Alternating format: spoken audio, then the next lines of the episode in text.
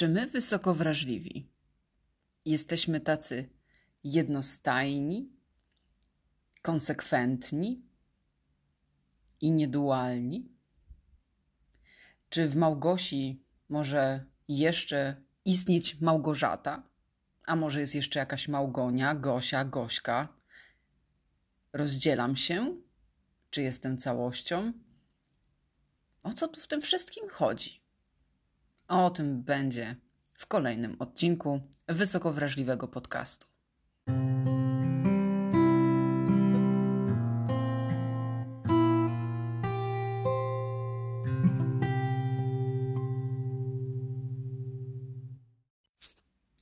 Nie chciałabym, żeby nas, mnie, kogokolwiek posądzano o dwulicowość. Jednak z jakiegoś powodu sięgam po ten dualizm, bo w ogóle, kiedy rozmawiam z osobami wysoko wrażliwymi, szczególnie z moimi klientkami, to mam takie wrażenie, że każda z nas gdzieś z jakiegoś powodu wyprodukowała przynajmniej drugi alterbyt, który manifestuje światu. No i to może być okrutne. Może was zaprosić do tego, że, hmm, że jakby to nieprawda jest światu pokazywana, a prawda przed światem jest skrywana. No tak, no macie prawo tak myśleć, ale o co z tym dualizmem chodzi, postaram się rozprawić z tym w tym właśnie odcinku. No bo czemu nie? No czemu by nie?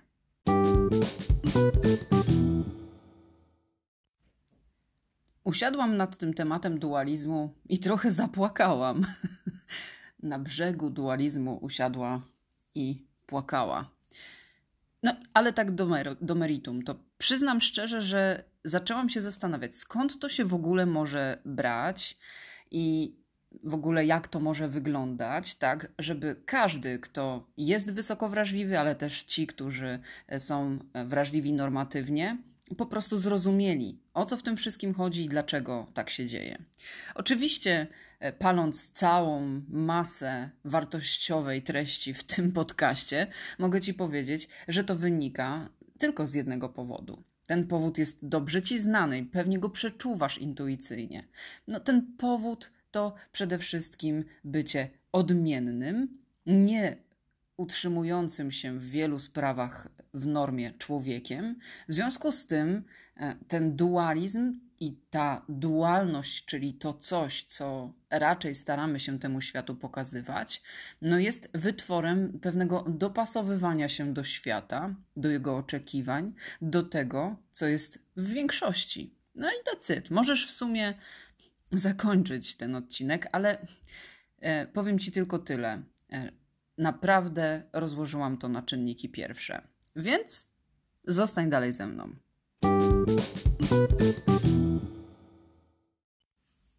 Dualizm, który zauważam, jest właściwie czworalizmem. Boże, ja naprawdę wszystko komplikuję, tak, wiem. No ale e, dualizm, który zauważam zarówno w sobie, jak i we wszystkich prawie że klientkach, z którymi rozmawiałam, a nawet i e, wśród facetów wysoko wrażliwych, z którymi zdaje się mi czasem e, też zamienić trochę słów, to muszę powiedzieć, że trzeba by najpierw rozróżnić dualizm wewnętrzny, który w sobie w ogóle rozwarstwiamy, ale też i dualizm zewnętrzny. Tak w skrócie, dualizm wewnętrzny dzieli mi się na dni, w których myślę sobie o sobie, ja jestem spoko, po prostu jestem bardzo wyjątkowa i w ogóle niech cały świat się patrzy na mnie, przygląda, uczy i naśladuje. No i po drugiej stronie oczywiście totalne zaprzeczenie tego stanu. E, jestem kimś nie okej, okay, nie będę przeklinać, ale mogłabym powiedzieć po prostu kimś całkowicie, całkowicie nieadekwatnym, nie takim. Jak się domyślasz, jest jeszcze oczywiście ten dualizm zewnętrzny, czyli mamy do czynienia oczywiście z e, taką formą siebie, która z jednej strony dopasowuje się i stara się ukryć wysoką wrażliwość, w związku z tym dużo wydatkuje i tym samym jest taka jak jej się wydaje, że świat od niej oczekuje, albo przechodzi w tryb całkowitego przeci przeciwieństwa, czyli jest w trybie buntownika i na zewnątrz pokazuje: A dajcie mi spokój, w ogóle idźcie sobie, ja będę właśnie taka, a nie tak, jak wy sobie myślicie, że powinnam się manifestować światu. Hmm? No jak ci to brzmi? Ciekawa jestem. Dalej opowiem o każdej z tych perspektyw w szczególe.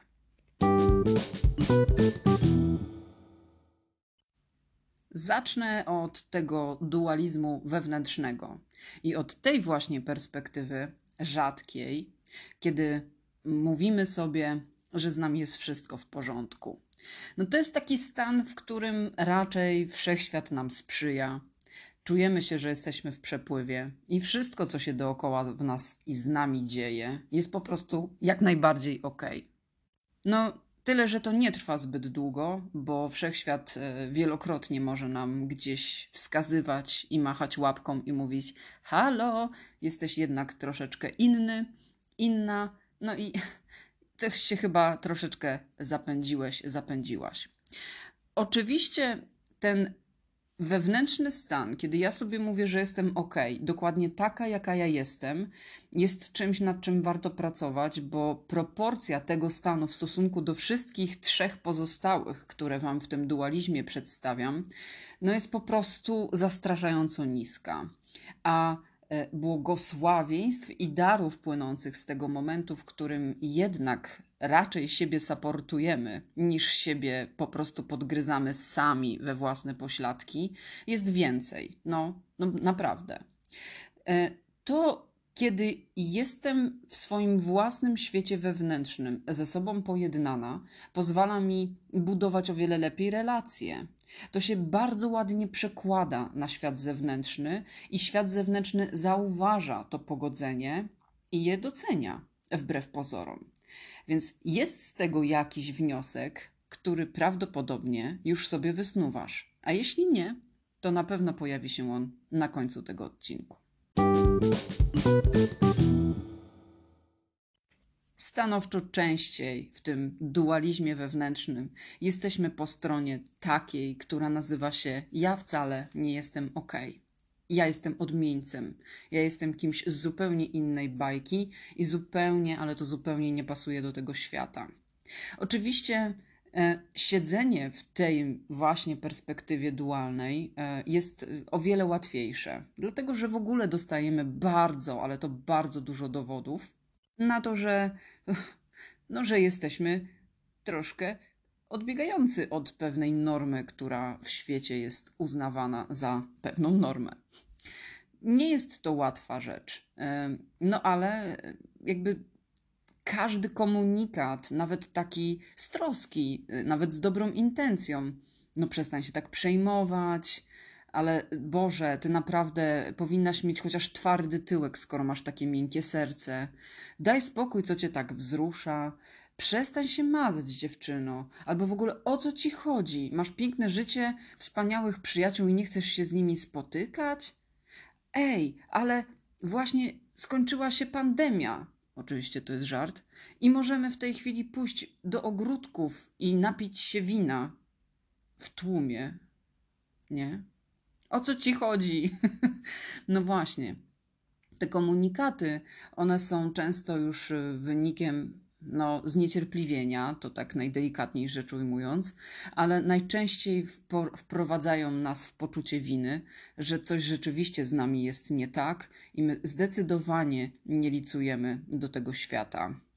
No i ten stan, ten stan nie pozwala nam zbyt dobrze utrzymywać relacji, nie pozwala nam też dobrze utrzymywać relacji ze sobą, E, no bo on jest w ogóle wynikiem i no, obrazem tego, że ta relacja gdzieś się zaburzyła. I za bardzo zapatrzyliśmy się na zewnątrz, przyjmując to jako jedyną prawdę. W wyniku tego, co właściwie jest tą taką perspektywą wewnętrzną, która jednak mówi mi, że ja nie jestem ok, może się pojawić perspektywa zewnętrzna Kiedy to ja mówię, okay, to y, walcie się wszyscy. I ja wam pokażę, że ja właśnie nie będę nigdzie wychodzić, nie będę się socjalizować, nie będę świętować końca pandemii, która się nie skończyła i wychodzić na piwko, winko do ogródków w tłumie. Nie i już. I jakby to zbuntowanie bardzo często też jest antyspołeczne, antyrelacyjne i najczęściej jest aktem jakiegoś uruchomienia sobie wewnętrznego dziecka, które po prostu postanowiło właśnie w tej chwili tupnąć nóżką, pokrzyczeć, żeby być zauważonym. To zbuntowane ja, które się pojawia właśnie wtedy, kiedy jesteśmy zbyt mocno naciskani i nie znajdujemy jakiegokolwiek zrozumienia na zewnątrz, powoduje to, że my na zewnątrz jeszcze bardziej to próbujemy podbijać. No bo skoro już ktoś wydał sąd, to niechaj dostanie chociażby z 3, 4, 5, 10 dowodów na to, co sobie właśnie wymyślił. A niech ma, a niech sobie karmi ten mózg tą nieprawdą. Oczywiście ten bunt trwa krótko, bo mamy przecież tą tendencję do overthinkingu, w związku z czym e, potem dalej możemy się nakarmić wyrzutami sumienia, e, oczywiście ciągłym e, przypominaniem sobie tego, co się właśnie w tej chwili wydarzyło, tylko po to, żeby się jakoś tam ukarać za to, że się zachowaliśmy niestandardowo, nie tak jak społeczeństwo tego od nas oczekuje i nie tak, jak zostaliśmy wychowani. Niezły galimatias, co? A jest jeszcze jedna perspektywa, ta dualna zewnętrzna. Ciekawicie?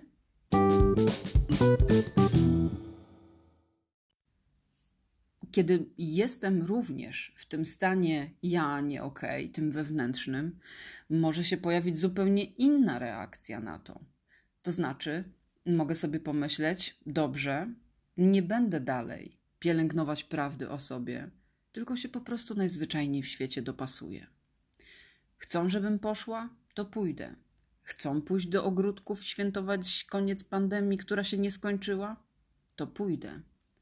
Nie będę szczęśliwa, ale włożę 27 zestaw uśmiechów amerykańskich szerokich, no może nawet włączę odrobinę ekstrawertyczności, być może nawet odpalę jakąś umiejętność, nie wiadomo skąd wyciągniętą, do trzepania rę z rękawa różnymi dowcipami i anegdotami. Być może. A może będzie dygresja do dygresji, a może będę najbardziej zabawna na świecie. No i oczywiście w wyniku takiego zachowania może się zdarzyć tak, że podbiję sobie energię, że znowu gdzieś tam w tym dualizmie przejdę do stanu wewnętrznego ja jestem ok i nie będę się buntować, tylko po prostu będę manifestować siebie w swojej prawdzie, w taką, jaką jestem, bo mam prawo też czasem zasięgnąć z zupełnie innej energii, która jest również we mnie obecna, tylko rzadziej z niej korzystam, bo więcej mnie kosztuje. To dopasowane ja nie jest łatwe, ale często każda z osób wysoko wrażliwych, którą znam i która ze mną rozmawiała, mówiła mi, że ma taki zestaw narzędzi. Wyczuwa, zapuszcza radary i myśli sobie: OK, to właśnie tego i tego i tego właśnie ode mnie się w tej chwili oczekuje. I to z jednej strony straszne, bo mamy tą umiejętność w mig rozpoznawania tych oczekiwań, ale straszne jest dlatego, że właściwie podążamy za nimi w ich realizacji, zamiast zbilansować to jakoś i pogodzić jedną stronę z drugą. To w tym świecie, co w tej chwili jest ważne dla osób wysoko wrażliwych, to stwarzanie takiej przestrzeni, w której nie będą się te osoby nadmiernie dopasowywać, nie będą też wywierały presji na zewnątrz, by to im miejsce robiono i nad ich wrażliwością w jakiś sposób się bardziej roztkliwiano, tylko właśnie o to chodzi, by dla tej wysokiej wrażliwości to miejsce się zrobiło. I jeszcze jest jedna bardzo ważna perspektywa. Te reakcje mogą zachodzić krzyżowo i zaraz Ci o tym opowiem.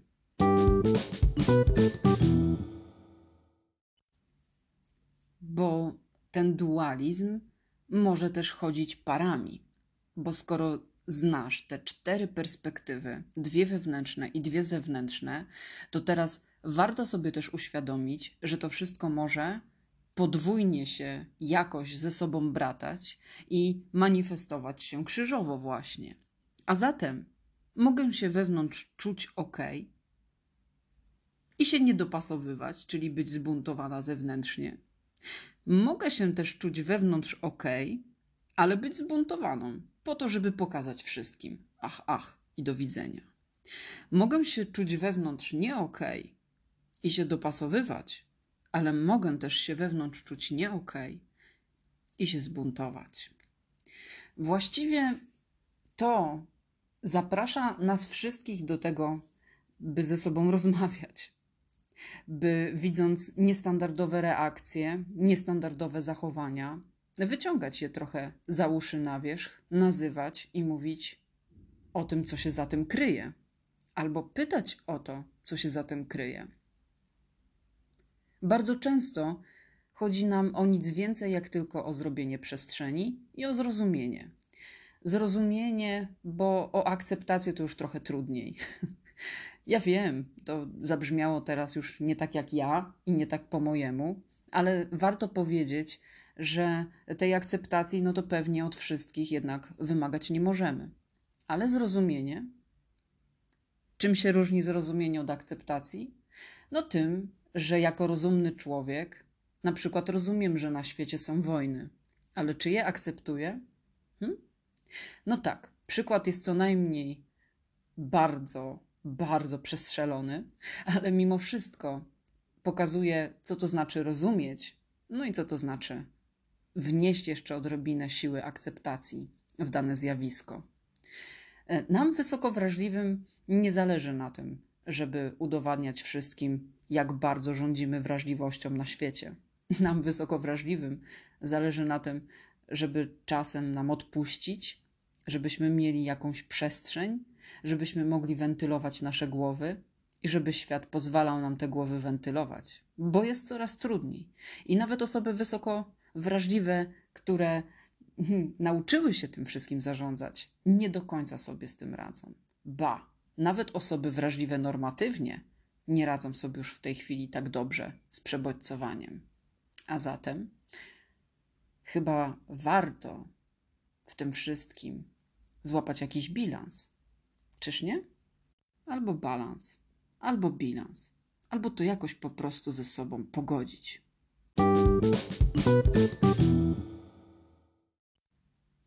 Wszystko bierze się od tego, że ktoś ustala normy. Oczywiście pewne normy są nam potrzebne. Ja nie jestem anarchistką i raczej daleko mi od tego, by tworzyć nieład i właśnie anarchię na świecie. No ale ktoś się umówił na to, że ileś to jest metr, a potem ten metr w Sewr jest właśnie wzorcowym metrem. Ktoś się uparł na to, że tyle to jest kilogram, i ten kilogram też potem jest jako wzorzec przedstawiany chociażby w, całej, w całym świecie miar. Miarą pewnej wrażliwości, którą powinien manifestować się człowiek, jest to, że on nie jest wysoko wrażliwy. I to wszystko jest źródłem tego, jak bardzo czasem ten dualizm nam się załącza.